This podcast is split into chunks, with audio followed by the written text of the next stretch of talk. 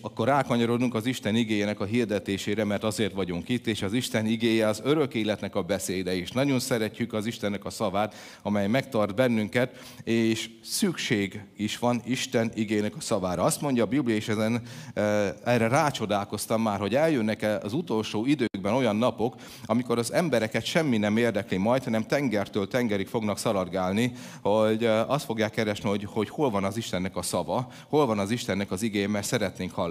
El tudjátok azt képzelni, hogy, hogy képesek lennének fizetni egy alkalomért, hogy bejussanak egy prédikációra bármennyi pénzt, és akármit ajánlasz neki, nem kell majd, mert rájönnek az emberek, hogy, hogy semminek sincs sok értelme igazából az életben, mert annyira mulandó, ez lesz az utolsó napoknak a jellemző, és annyira tele lesznek félelemmel, aggodalommal, görcsösséggel, stresszel az emberek, hogy azt mondják, hogy az Isten igéje kell nekünk, mert az az egyetlen dolog, amely megmenthet bennünket. De te most, ma délelőtt, hallhatod az Isten igének a szavát, és eh, minden egyes nap olvashatod és töltekezhetsz vele, és erősé tehet téged eh, az Istennek a szava, ezért nagyon szeretem az ő beszédét, mert ez örök életnek a beszéde. És mostanában, ahogy uh, emberek között élem az életemet, akárhol vagyok az országban, azt hallom, hogy hát az emberek elfáradtak, az emberek kivannak, tele vannak problémákkal, és folyamatosan panaszkodnak és kritizálnak mindenkit és mindent. Abszolút elégedetlenség van az embereknek az életében, legalábbis az én tapasztalatom szerint. És kérdés az, hogy akkor mit lehet tenni? Miért van ez? Mi a megoldása? Úgyhogy a mai napon erről lesz szó, és nézzük meg egy olyan esetet, amikor egy nagy próféta, Jeremiás próféta hasonló helyzetben volt, kérlek, hogy igen, az az üzenet cím, hogy mi lesz veled ezután. Jeremiás 12.5, ez egy olyan ige, amely hihetetlen módon megragadott engem is. Szeretném nektek ezt átadni, erről több helyen beszéltem már, és átadtam proféta üzenetként. Ezt ide beírtam a szívemben, ezekre a napokra. Azt mondja az Isten, milyen érdekes, valahol a Biblia közepén csak így ilyen eldugott igevers, lehet, hogy még úgy gondolod, hogy életedben nem olvastad még, hogyha gyalogokkal futsz, és elfárasztanak téged, mi módon versenyezhetnél a lovakkal? És ha csak békeséges földön vagy bátorságban, ugyan mit cselekednél a Jordán hullámai között? Elképzeltem Jeremiásnak ezt az élethelyzetét, és ahogy ezzel a problémával Istenhez ment, és az Isten válaszolt neki. Képzeld el, hogy úgy érzed, hogy túl nehéz az élet, úgy érzed, hogy amiben vagy, az nagyon sok, nem tudsz megbékozni a feladatokkal, ki vagy borulva, panaszkodsz, és hát ilyenkor egy próféta kihez mehetne, hát oda megy Istenhez, és azt mondja, hogy elfáradtam, kevés az erőm, sok ez, miért vagyok ebbe a helyzetben, miért nem történik semmi, miért nem hallgatod meg az imámat, és amit ilyenkor szoktunk mondani, és uh, ilyenkor mit vár az ember? Te mit várnál, amikor így az Úrhoz mennél ezekkel a panaszokkal? Hát valami ilyesmi kép van benned, nem? Hogy az Isten felvesz az ölébe, megsimogadja kis buksi fejedet, lehet Jeremiás is erre számít. De jó van, kis profétám, tudom, hogy nehéz. Gyere, felejts el mindent, én veled vagyok. Ó, ezek a zsidók engem is kikészítettek már évszázadok óta, borzasztó helyzetben vagy tudom. Egyébként Jeremiás volt az a profét, akinek soha nem hallgatták meg a profétálását. Az Isten elküldte, hogy szólja az ő igéjét, de soha nem hallgattak rá. Egyébként ez egy nagyon hálás feladat. Képzeld el, hogy te egy evangelista vagy, és 20 éve evangelizálsz, és még senki nem tért meg. És Jeremiás is ilyen helyzetben volt, és az Isten jön egy fantasztikus bátorítással. Hogyha gyalogokkal futsz, és elfárasztanak téged, mi módon versenyezhetnél a lovakkal? Ez számomra ez valami ilyesmit jelent, hogy te most ki vagy borulva ettől a helyzettől, akkor mi lesz veled ezután? Mert ő tudja a jövődet. Kiborultál nagyon attól, ami 2022-ben történt veled? Akkor mi lesz veled 23-ban? És akkor azt mondod, hogy köszönöm, Uram. Ez most olyan jól esett. Ez úgy megvigasztalta a lelkemet. És azt mondja, és miért mi lesz velem 2023-ban? Hát elmondanám neked, hogy sokkal rosszabb lesz. Ez még, amit áltétel, az semmi ahhoz képest, ami egy év múlva jön rád. Ó, Istenem! Köszönöm, megvigasztalódtam, megyek tovább, és profétálok. Az Úr tudott vigasztalni egyébként. Egy, én is vigasz, én is lelki gondoztam már így embereket. Most nem akarok arról beszélni, hogy mekkora sikere volt, és hogy visszajöttek el az biztos, hogy megnyugodtam, hogy ez biztos, hogy ő már vissza hozzám nem jön. Tehát vele több problémám nem lesz, csak nem ez volt a célom. De tudod, a Biblia azt mondja, és ez igaz, hogy az utolsó időkben egyre nehezebbek lesznek a napok. És most én azt gondolom, hogy ez egy profétai mondat Istentől, hogy ha most már ennyire ki vagy, tényleg mi lesz veled? Akkor, amikor igazi problémákkal fog szembenézni. amikor olyan lesz a háborús helyzet, amikor majd tényleg fázni fogunk, amikor tényleg nem lesz majd mit enni, amikor fogalmunk se lesz majd, hogy, hogy a holnapi napot hogy éljük túl, és milyen érdekes, hogy én azért szeretem a Bibliát és a hithőséget, úgy ugyanazzal a helyzettel találták szemben magukat, és ugyanolyan érzéseket váltott ki belőlük, és ugyanolyan gondolatokat, mint bennünk, és az Isten pedig nem változott, és azt mondja, hogy hát, ha csak békességes időben érzed magad erősnek, mi lesz veled, ha igazi problémába kerülsz? És én megkérdezem most tőletek, hogy tényleg mi lesz velünk? Mi lesz veled? Hát, hát azt tudja. Isten megsegít majd egy, egyik, egy üzenetet majd azért valahogy kerítünk egy sort majd rá, hogy uh, ezt elmondani, mert egyébként igaz, amit Atosz mondott, abszolút. De az Isten megsegít, és érdekes, amikor a, a zsidókhoz írt levélhez lapozunk, és megnézzük az ottani igét, akkor azt mondja, hogy ezért ne szomorkodjatok, hanem emeljétek fel a fejeteket. Ne legyetek gyengék, hanem erősítsétek meg magatokat. Sokat gondolkodtam ezen, hogy amikor elfáradunk és elerőtlenedünk, akkor azt mondja mondjuk Isten, hogy hát ha ebbe elfáradtál, akkor mi lesz veled ezután. És azt mondja, hogy ne szomorkodjál, hanem emelt fel a fejed, ne legyél gyenge, hanem erősíts meg magadat, legyél erős. Nem tudom, hogy amikor te ezt meghallod, milyen reakció van benned. Én bennem az, hogy oké, okay, ha én tudnám, hogy hogy kell erősnek lenni, akkor erős lennék, nem? Hát pont az a probléma, hogy, hogy fogalmam sincs, hogy honnan vegyek erőt, és hogyan kell ezt csinálni. Ha, ha működne, akkor igazából még Istenre lenne szükség, hanem megoldanánk. Tehát pont az a problémám, hogy én erős akarok lenni, és én nagyon szeretem ezeket, hogy erősíts meg magadat. Oké. Okay. Ez a mai üzenetem, menjél haza, erősíts meg magad. Köszönöm, Zsozsó. Erre, szerintem ezt mondanátok, erre nem is gondoltam. Ha gyenge vagy, erősíts meg magad. Amikor Józsué ki volt borulva, mert meg, egy megárat Jordán előtt állt, és egy népet át kellett volna vezetni 40 év után a pusztán, és legyőzni egy város, amelynek bevehetetlen falai voltak, és nem volt semmilyen stratégiája, nem volt fegyvere hozzá, fogalma se volt, hogy mit kell tenni, akkor az Isten odállt elé, és azt mondta, hogy megparancsoltam neked, hogy legyél bátor és erős. Ez egyébként egy olyan dolog, amely parancsszóra működik. Amikor félsz, akkor valaki megparancsolja neked, hogy ne félj, és onnantól kezdve nem félsz. Mert ugye magadtól nem jutott volna eszedbe, amikor félsz, hogy az kéne, hogy legyek bátor. Fú, tényleg. Ilyenkor szoktam gondolkodni, hogy, hogy mekkora segítség az, hogy parancsba adom, hogy legyél bátor. Köszönöm. Ne legyél szomorú, ne kritizálj, ne panaszkodj, emelt fel a fejed, ne legyél gyenge, erősítsd meg magadat. Köszönöm szépen. Amen. Gyertek, hallgassátok meg a hirdetéseket. És a Biblia egyébként arról beszél folyamatosan, hogy ennek van egy útja. Ma és jövő héten is erről lesz szó, hogy, eh, hogy meg tudjuk magunkat erősíteni az Istenben. A meg tudjuk magunkat erősíteni, az nem azt jelenti, hogy önmagunkból tudunk erőt, kicsit több erőt kicsiholni, hanem ez azt jelenti, hogy van, egy, van a van az Istennek ereje, amit oda ajándékozott nekünk, és megtanuljuk azt használni, és megtanulunk erősnek lenni.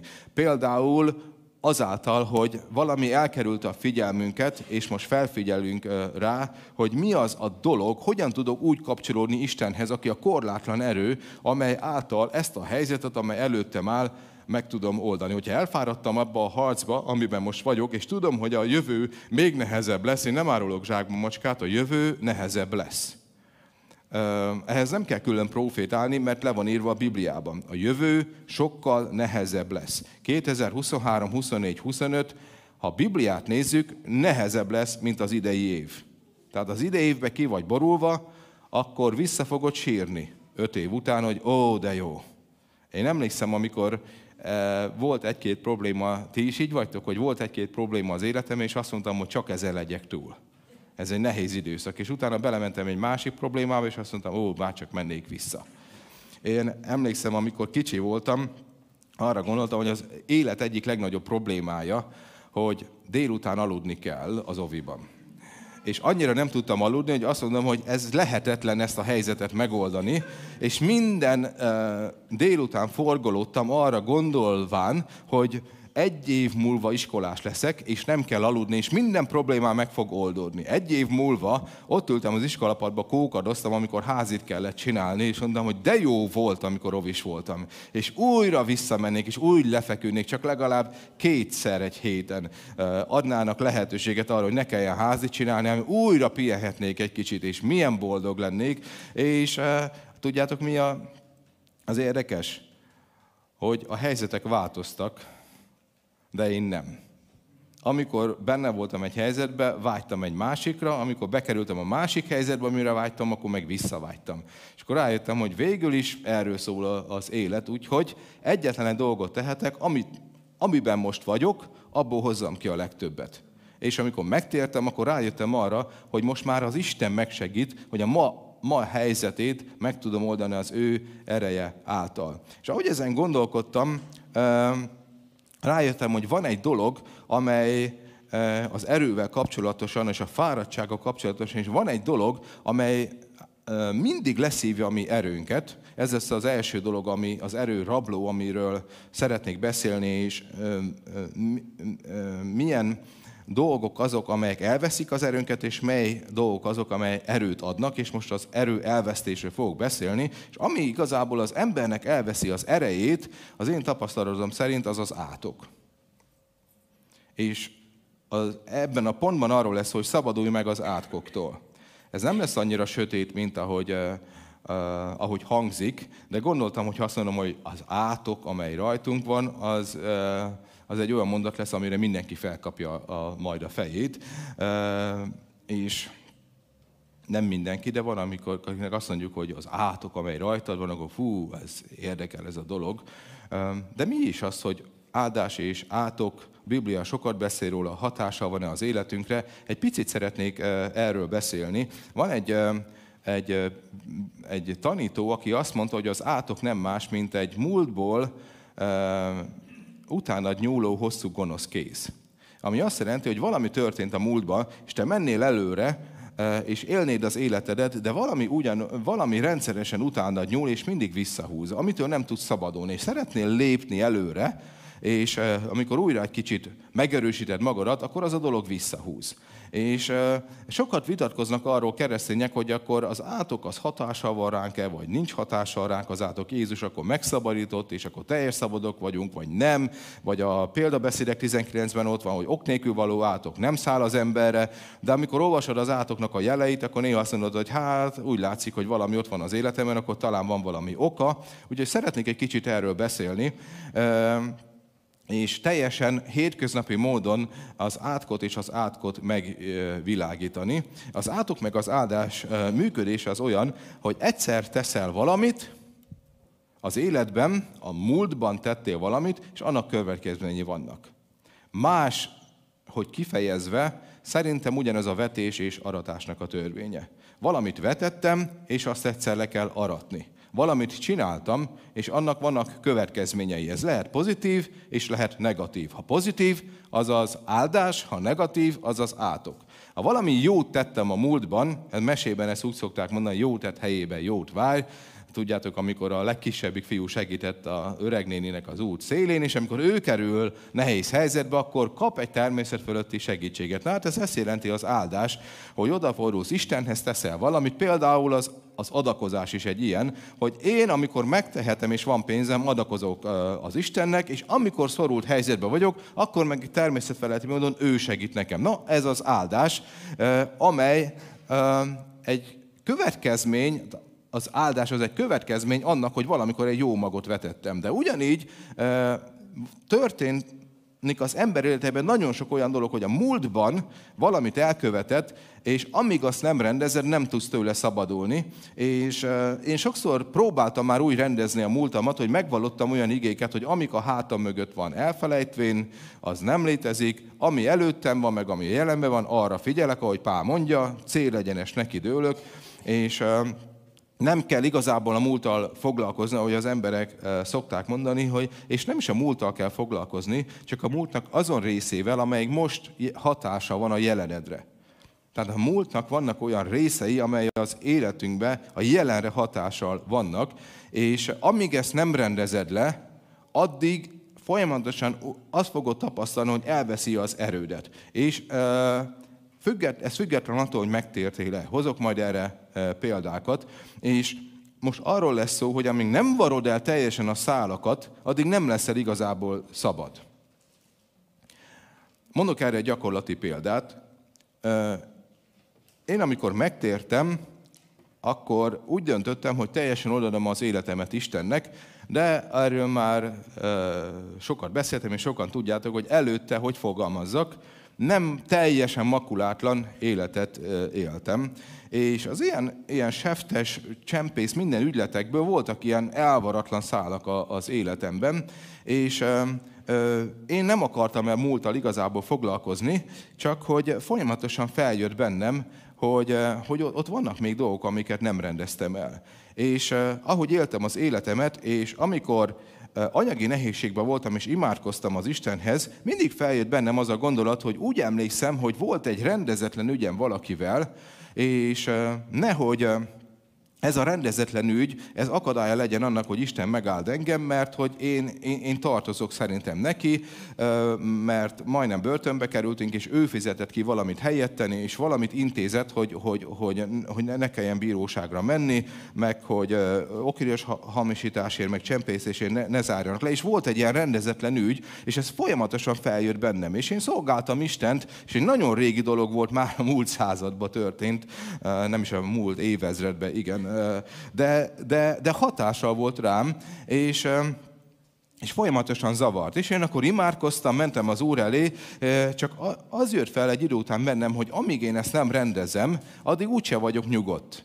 Mert hogy ennek nem az a módja, hogy csak imádkozok egyet, mert azt a srác nem tudja, és én szeretném a sráccal rendezni, és ezerszer eldöntöttem, hogy felhívom az én régi barátomat, nem hívtam fel, nem mertem, utána megint eldöntöttem, egy kicsit jobb lett a helyzet, de utána megint egy, egy nehéz helyzetbe kerültem, és újra feljött bennem, hogy van valami rendezetlen dolog a múltban, és egyszer az úgy döntöttem, hogy nem fogom ezt így, nem fogok így tovább élni, én rendezni fogom az én múltamat, és felhívtam, és mondta, hogy hát igazából ő már nem is emlékszik rá, hogy mi volt, tudja, hogy volt valami, de, de akkor ő azt mondja, hogy felejtsük el ezt, e, felejtsem el ezt az egészet, tekintsük teljesen rendezetnek, de nagyon örül, hogy én felhívtam őt, és hosszan beszélgettünk, és én teljesen megnyugodtam, és azóta szabad vagyok erre értem, hogy valamit elkövettem a múltban, amit nem rendeztem.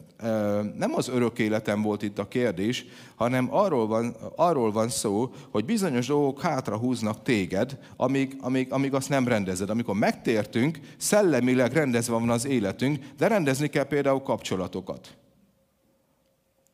Mert, mert, mert amit tettél, az benyújtja a számlát.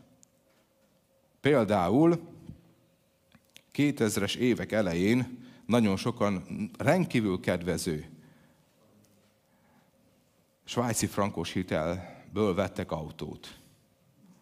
És utána, amikor volt a 2008-as válság, elszálltak a, a, a, a kamatlábak, és uh, valamit tettél, felvettél egyszer egy hitelt, a múltból, múltban tettél valamit, de a, a törlesztés azt a jelenbe kellett fizetni amíg ezt ki nem egyenlítetted, addig folyamatosan hétről vagy hónapról hónapra az a rendkívül magas számla jelentkezett. Erről van szó, hogy amíg ki nem fizeted, addig törleszteni kell. És a múltba tettél valamit, de a jelenedre van hatással.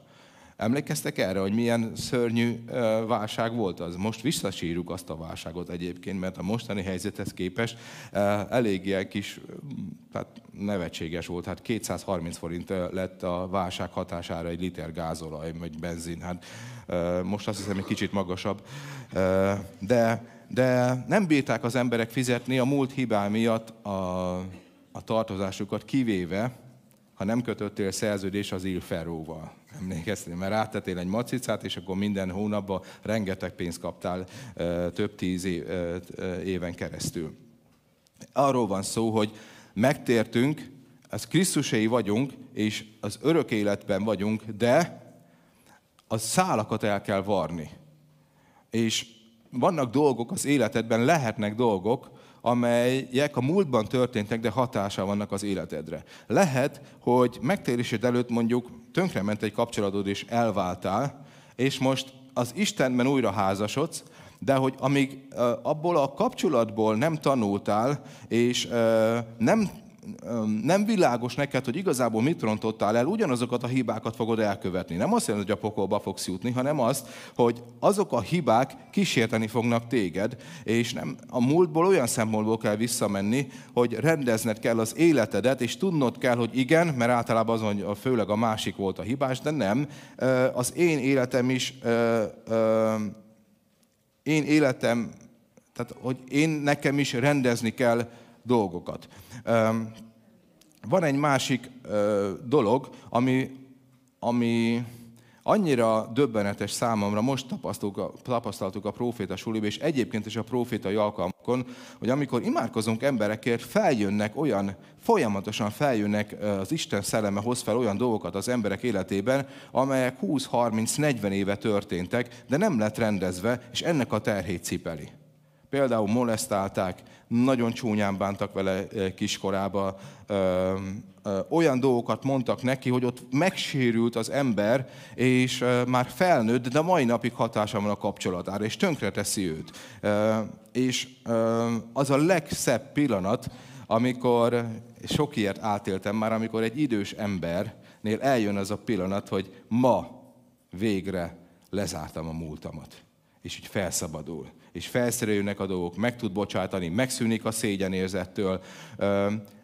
És amikor elveszíted az erődet, akkor jön az a pillanat, hogy mindenkit károsztatsz, mindenkit kritizálsz, panaszkodsz mindenre, és igazából van valami az életedben, ami még fogva tart, amit még nem rendeztél el.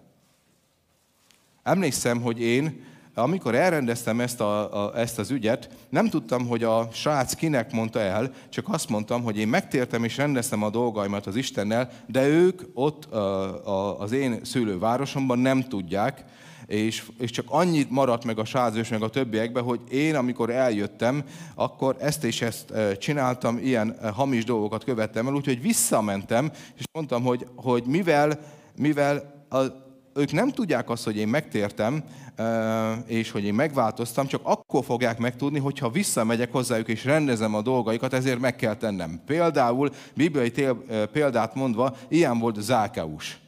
Amikor megtért, azt mondja, hogy a patvarkodással elvettem valakitől valamit, azt most visszadom a kétszeresét, négyszeresét. Emlékeztek? Tehát a megtérésemnek a jele az, hogy rendezem a múltamat, hogy akit akivel szembe sáros vagyok, visszamegyek, és rendezni fogom ezt, és a, je, a megterésnek a jele, hogy emberileg is rendezem az én dolgaimat.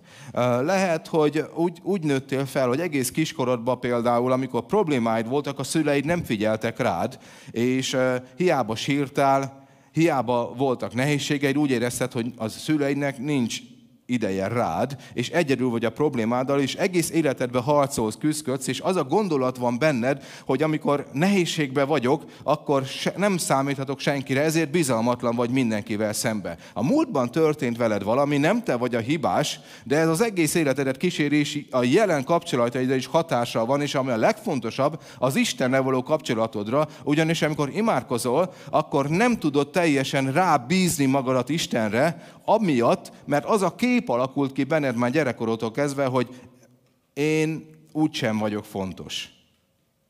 Ezt egyébként úgy lehet helyrehozni, amikor megismered Istent, és bemutatkozik Isten a vele való kapcsolatból, megismered őt, és begyógyulnak a, a, a benned lévő sebek, és tudod, hogy igen, amikor problémám van, akkor valakire számíthatok. Ha senki nincs körülöttem, de az Isten ott van velem, és ő nem hagy el. Lehet, hogy nem ezt tapasztaltam, és nem ebben nőttem fel, de lezárom a múltat, egy új kezdődik, mert új apámban Krisztus, vagy az Isten. És most már megbízhatok benne. Ha problémám van, hozzá mehetek történt velem a múltban, és azt lezárom. És amikor az Istennel való kapcsolatot helyre jön, akkor helyre fog jönni az emberekkel való kapcsolatod is. Mert begyógyulsz. Történtek dolgok a múltban. Lehet, hogy a te hibád, lehet, hogy nem. De amikor hatása van az életedre, el fogják venni az erődet. És te szeretnél boldogan élni, de nem tudsz, amíg nem zárod ezt le. Én úgy gondolom, hogy embereknek ez egy üzenet a mai napon, és hogyha folyamatosan ezek elveszik a te erődet, akkor az Isten ahhoz fog neked erőt adni, hogy kelj fel, ahogy ő mondja, rendez le az Isten igéje szerint, és meg fogod látni, hogy olyan szabadság köszönt rád, amiben még soha egyetlen napot nem éltél. És boldog leszel. Könnyű? Nem. Ha könnyű lenne, már megcsináltuk volna. Megéri? Meg. Igazából nincs más lehetőségünk de minden lehetőséged megvan a legjobbra. Mindannyian követtünk el hibákat. Amikor ezzel szembesülsz, akkor ne úgy gondolj rá, hogy ó, milyen szörnyű, nyomorult ember vagyok, miket csináltam, és hogy, hogy hány éven keresztül uh, milyen milyen szerencsétlenül kezeltem ezt a helyzetet. Én is szerencsétlenül kezeltem. Aki melletted ül, ő is szerencsétlenül kezeli. Nem az számít, hogy mi milyen erősek vagy gyengék vagyunk, hanem az, hogy van egy lehetőségünk az Isten a mennyben, és nem számít, hogy eddig hány évet tékozoltál el, az számít, hogy ma hogy döntesz. És az Isten megerősít téged, és helyreáll a bizalom. Nézzük meg az Ézsaiási igét, következőt. Azt mondja, jól ismeritek, erőt ad a megfáradottnak, és az erőtlen erejét megsokasítja. Elfáradnak az ifjak, és meglankadnak, megtántorodnak a legkülönbek is. De akik az Úrban bíznak, erejük megújul. Szájra kelnek, mint a saskesejük. Futnak, és nem lankadnak meg. Járnak, és nem fáradnak el. Azt mondja a Biblia, hogy az elfáradás és a meglankadás és a kiborulás a legkülönbeknek a jele. Üdvözlőlek téged a klubban. Ha érezted úgy, hogy megfáradtál, ellankadtál, és elveszett az erőd, azt mondja a Biblia, hogy hát az a legkülönbekkel is megtörténik. Ez megtörtént az előtted lévőkkel, megtörténik veled, megtörténik azokkal, akik utánad jönnek. Ez egy emberi dolog minden emberrel megtörténik. És amikor én azzal szoktam magam bátorítani, amikor nagyon el vagyok lankadva, és úgy érzem, hogy semmi erőm nincs, akkor felnézek, és azt mondom, Uram, valószínűleg én a legkülönbek közül való vagyok. Olyan jó így élni, mert ez a meglankadás, ez olyan szintű, amit szerintem csak a meg, legkülönbek tudnak átélni. Tehát ehhez is kell egy tehetség, hogy ilyen szinten meglankodjak. Valami, valamikor ez segít nekem, azért, mert annyira szoktam ilyenkor nevetni magam, hogy aztán kijövök a problémából valahogy. De ezt az Isten igéje mondja, hogy a legkülönbek meglankadnak, és sőt, azt mondja például a beszédek könyve, hogy hétszer is elesik az igaz, de fel kell. Ha te már hatszor nagyon elestél, szeretném mondani, hogy még van egy. Ugye hét a teljeségnek a száma ami, a száma, ami azt jelenti, hogy folyamatosan elesünk, de az igaz nem attól igaz, hogy soha nem esik el, hanem attól vagy igaz, hogy mindig felkelsz. Általában van egy elvárás magunkkal szemben, hogy mi szeretnénk erősnek mutatkozni, Istennel, hogy jó legyen a kapcsolatunk, de azt nem tudod megúszni, hogy, hogy ne essél el, de nem az az igaz embernek a jele, hogy soha nem esik el, hanem az, hogy mindig fel kell. Nem attól vagy erős igazából a Krisztusban, hogy nem lankadsz el, hanem mitől vagy erős, hogy amikor ellankadsz, akkor az Istenhez mész, és, mész, és az erőd megújul, és szányra kelsz újra, mint a sas madár. Szeretném elmondani, hogy a sas, amikor szányra kell, az a repülés kicsit sem hasonlít a veréb repülésére.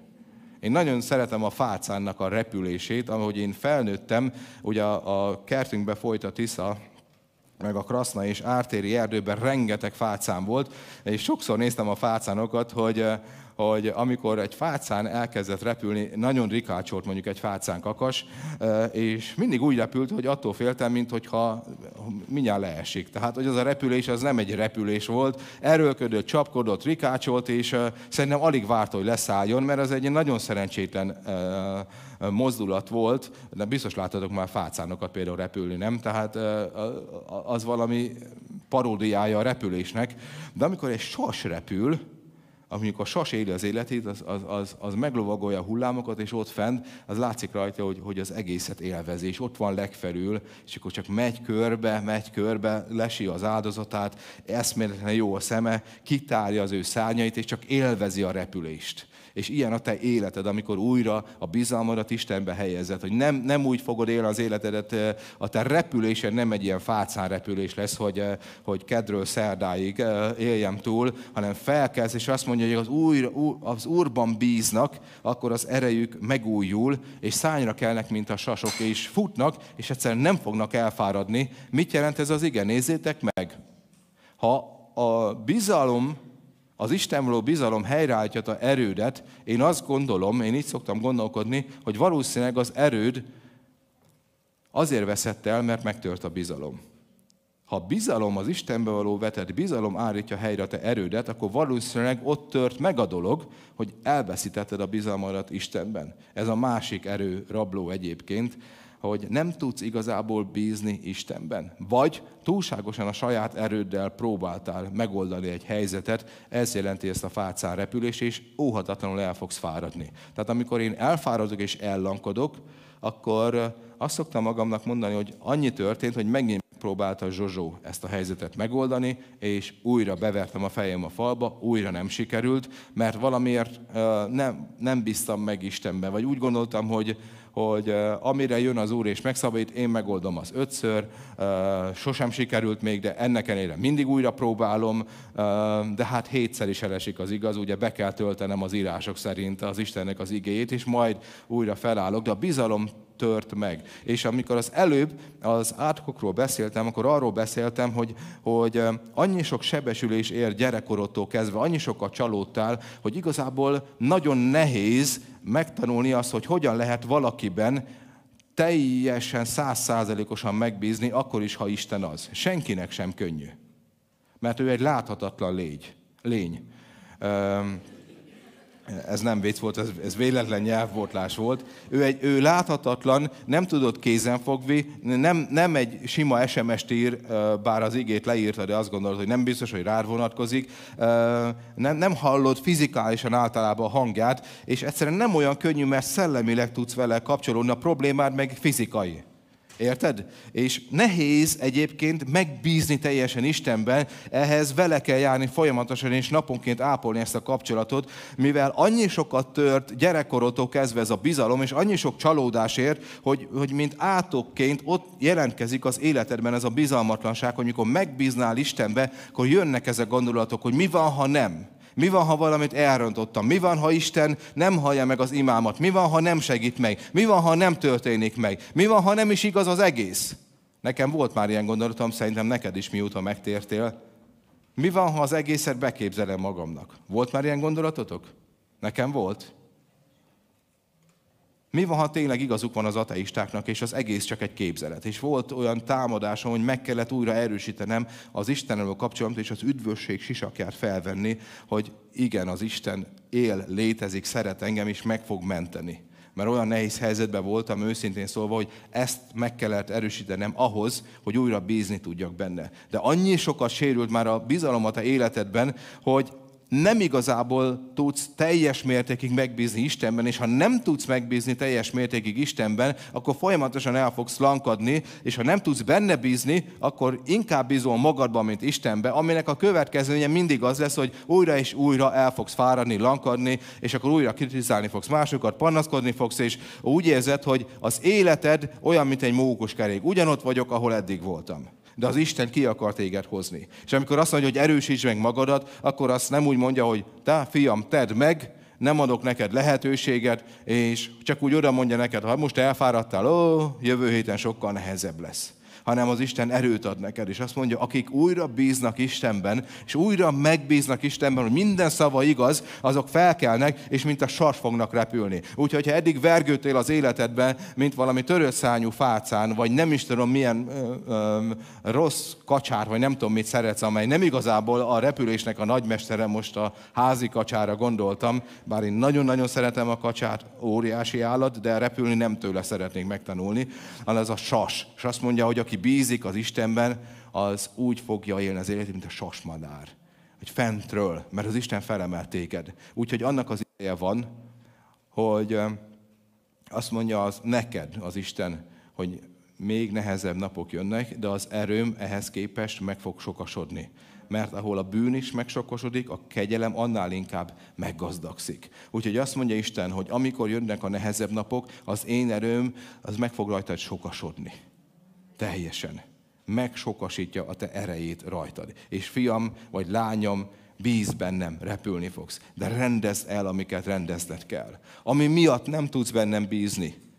Ami miatt kétségeid vannak, azt egyszerűen rendezd el emberileg is, és fel fog szabadulni.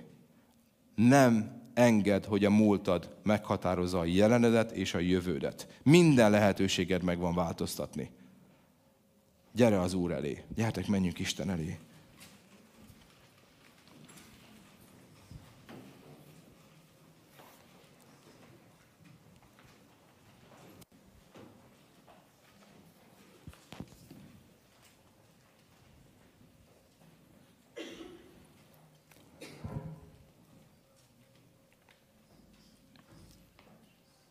Uram, én úgy gondolom, hogy, és úgy hiszem, hogy a Te Szent Szellemet szólt az igén keresztül. Ez nem csak egy leírt ige, hanem ez egy szellemi valóság ma délelőtt. És Uram, szeretnénk helyre állítani a mi bizalmunkat, hogy újra szárnyalni tudjunk. Az az Isten célja ma, hogy úgy menjél haza erről a helyről, vagy úgy állj fel a, ké, fel a képernyő elől, hogy azt mondta, hogy újra szárnyalok, mint a sasmadár. Erőt kaptam. És ezért szeretnék, Uram, mindent elrendezni. És imádkozom azért, hogy ha van itt valaki, vagy valakik, akiknek most nehéz, és tudják, hogy valamit rendezni kell az életükben, emberek felé, talán feléd, vagy konkrét fizikai dolgot, vagy egy szívbeli dolgot, amely még fáj, és még régisebb, az ma gyógyuljon be, az legyen elrendezve. Legyenek őszinte megtérések, amilyen az Ákeusé volt. Imádkozom azért, hogy legyenek őszinte rendezések. Tudjuk megtenni azt, amely még egy átokként visszahúzza minket, hogy ezt lezárjuk a Jézus nevében. Köszönöm, Uram, hogy ma fel akarsz minket szabadítani. És ahogy itt vagyunk az Úrnak a jelenlétében, csak imádkozz, és amit felhoz Isten,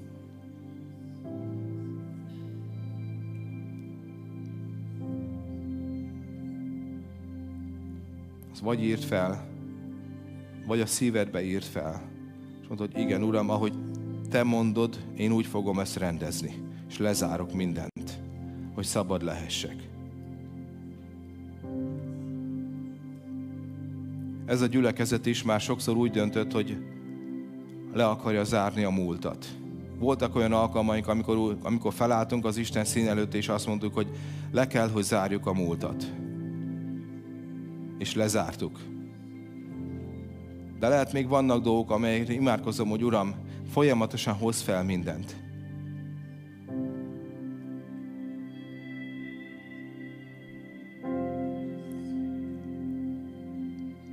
Azt mondja a Biblia, hogy ne vessetek a tövisek közé, szántsatok új szántást. Szeretnénk minden ilyen rossz vetés beszántani, Uram hogy ne legyen hatással az életünk, és a bizalom álljon helyre. Most azokért imádkozom, akik szívében a bizalom feléd megtört a Jézus nevében. Akik az Úrban bíznak, erejük megújul. Hogy a bizalom, ha helyreáll, akkor az erőd is helyreáll. Nekünk nem az erőre kell koncentrálnunk, csak a bizalomra. Ne az erőre koncentrálj, hanem a bizalomra Istenben. És a bizalom helyreállítja te erődet. És köszönöm, Uram, hogy felemeled ezt a népet. Felemeljük a mi fejünket, és azt mondod, ne legyél bánatos, ne legyél elkettelenedve, hogy a zsidókhoz írt levélben mondod, emelt fel a fejed, jár helyes úton, erősödj meg a Jézus nevében. És mi erősek leszünk, Uram, és győztesek a Jézus Krisztus nevében. Hát azt mondja az Úr neked, ha ma elfáradtál és ki vagy borulva, mi lesz veled holnap? Mi erre a te válaszod? Uram, bízni fogok benned, és holnap győztes leszek veled.